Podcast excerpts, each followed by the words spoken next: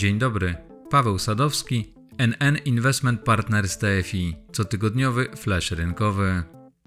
W ostatnim komentarzu wspominałem m.in. o tym, że kontynuacja polityki banków centralnych, polegająca na zaniżaniu oficjalnych stóp procentowych poniżej poziomu inflacji, wymusza na inwestorach, którzy chcą zachować lub zwiększyć siłę nabywczą swoich nadwyżek finansowych, poszerzenie struktury oszczędności o komponent ryzyka, np. w postaci akcji czy surowców.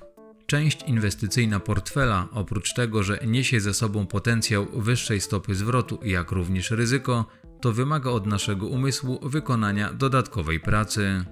Co mam na myśli oraz na czym ten wysiłek polega?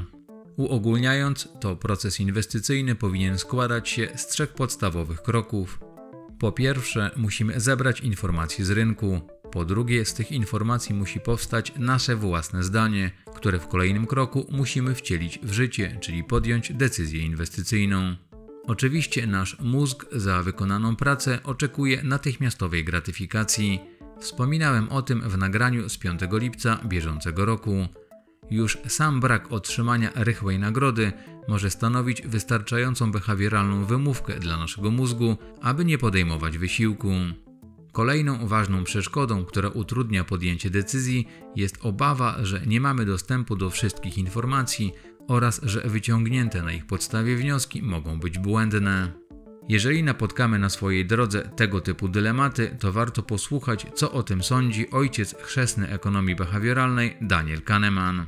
Według niego przekonanie o słuszności własnego zdania bierze się ze spójności opowieści, którą ludzie są w stanie skonstruować z dostępnych informacji.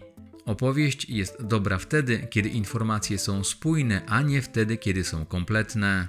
Często bywa wręcz tak, że im mniej wiemy, tym łatwiej jest nam ułożyć sobie wszystko w spójną całość.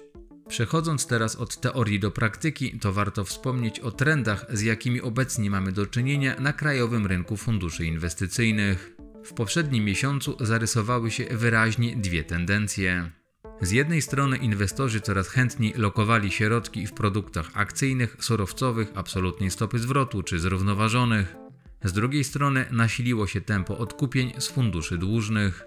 Swoją drogą to nie ma powodów, aby dziwić się zachowaniu posiadaczy funduszy dłużnych, których coraz bardziej niepokoi negatywne zachowanie rynku w ostatnich miesiącach, które przekłada się na przeceny produktów bazujących na obligacjach. Warto jednak zastanowić się nad tym, czy listopadowe spadki cen polskich papierów skarbowych nie zaszły zbyt daleko. Z perspektywy aktualnych poziomów wycen instrumentów dłużnych, to krajowy rynek skarbowy wygląda coraz bardziej atrakcyjnie. Różnica w rentowności polskich obligacji do obligacji z rynków bazowych USA, Niemcy jest blisko historycznych poziomów notowanych na przestrzeni ostatnich 10 lat. Może to świadczyć o tym, że to nie jest czas na podejmowanie pochopnych decyzji. Jeżeli do tego dodamy fakt, że obecne rentowności portfeli funduszy dłużnych są najwyższe od około 4 lat, to na przyszłoroczne stopy zwrotu możliwe do wygenerowania przez te produkty powinniśmy raczej patrzeć przez pryzmat szans, a nie zagrożeń. Przy tej okazji warto również dokonać analizy możliwego zachowania w przyszłości funduszy o większym potencjale zysku i ryzyka. Mam na myśli produkty, dla których inwestycyjną bazę stanowią surowce czy akcje. Jeżeli chodzi o rynek towarowy, to wspierające otoczenie gospodarcze sprawia, że jest on na dobrej drodze, aby dalej dostarczać zadowalające stopy zwrotu, zarówno w krótkim, średnim i dłuższym okresie. Niewykluczone, że tegoroczne wzrosty indeksu surowców są tylko początkiem dobrego zachowania towarów, a nie jego końcem. Katalizatorem krótkoterminowym dla wycen wspomnianych aktywów jest inflacja. Ceny towarów są istotnym składnikiem bezpośrednim i pośrednim inflacji. Innymi słowy, to wzrostowi inflacji towarzyszy wzrost cen surowców.